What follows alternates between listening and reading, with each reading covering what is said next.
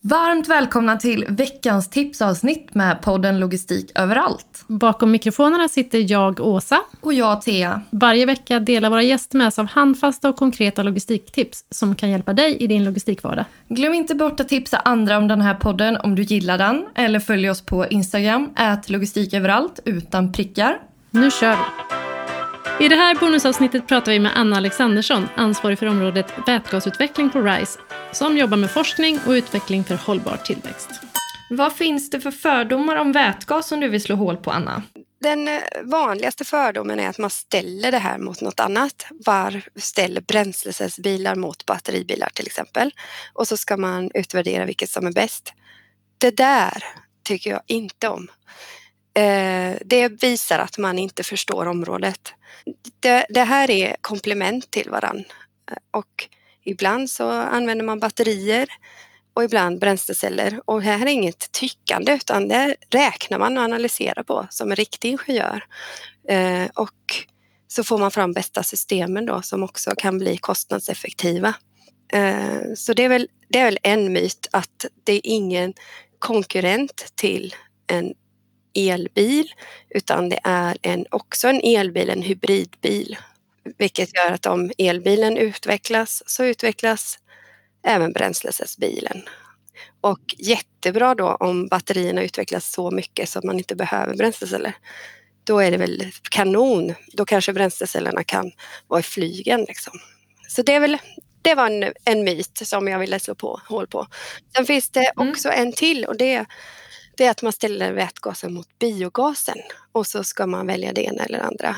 Och det tycker jag inte heller är bra för att även där kan man då titta på det här systemperspektivet. Biogas kan man producera, man kan reformera det till vätgas. Det kan betyda att vi har en tankstation där man åker med lastbil in med ett bränsle och får ut två till exempel. Eh, det kan också vara så här att man toppar upp biogasen för att få bättre verkningsgrad med vätgas vi bygger en vätgasanläggning, fick för mycket, stoppar in det i, i de här naturgasnäten. Eh, och då toppar vi upp naturgasen och så blir det en, ja, en bättre verkningsgrad. Så att det finns flera olika synergieffekter här eh, när man bygger de här systemen. Och de kan man snarare bygga ihop i det smartaste systemet än att ställa det mot varandra. Vilka branscher borde anamma vätgastekniken nu och varför?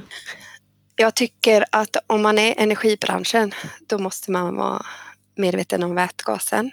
Uh, absolut, liksom det här förnybar energi plus vätgas. Det är jätteintressant. Uh, även då titta på effekttopparna där. Om man är i transportbranschen så hoppas jag att man har börjat elektrifiera och titta på det. Eh, och det kan vara delelektrifiering också. Olika hybridlösningar med andra bränslen.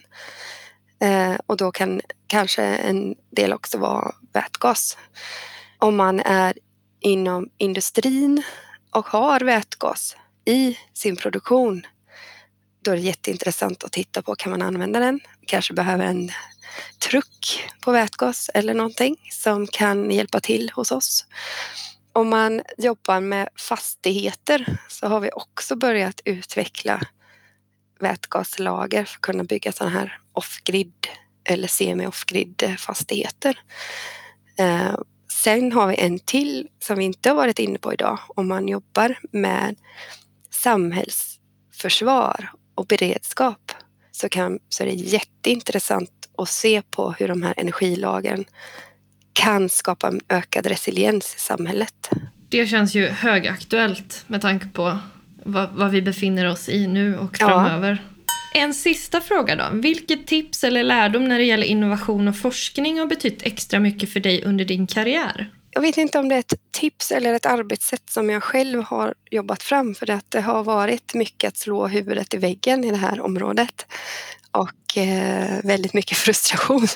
Men eh, tipset är väl att eh, det viktigaste är att skapa ett bra team med ett öppet klimat där folk vågar eh, säga vad de tycker och tänker. Eh, och för att klara av att skapa det här innovativa klimatet så är det viktigt att ha en, en tillit till varandra i den här gruppen. Så relationerna i teamet är väldigt viktigt med hög tillit eh, för att lyckas. Och även då, det kommer oftast att gå fel med någonting när man jobbar med nya, helt innovativa projekt som ingen någonsin har gjort. Det är självklart att det är någonting som går som inte planerat. Det gör det ju även i projekt som där, där man har gjort dem förut. Då. Ehm, och eh, då är det extra viktigt att det är lösningsfokuserade personer som är involverade, som löser saker tillsammans och inte börjar peka finger åt varandra. Så människorna, jätteviktigt att ha rätt team när man jobbar med innovation. Och också det här då teamet från olika delar i värdekedjan. Så det är väl mitt bästa tips när man ska jobba med innovation. Har du precis lyssnat klart på det här bonusavsnittet och vill höra mer om energiomställningen inom logistikbranschen så finns en fullständig intervju i avsnitt 21 av Logistik överallt med Anna som gäst.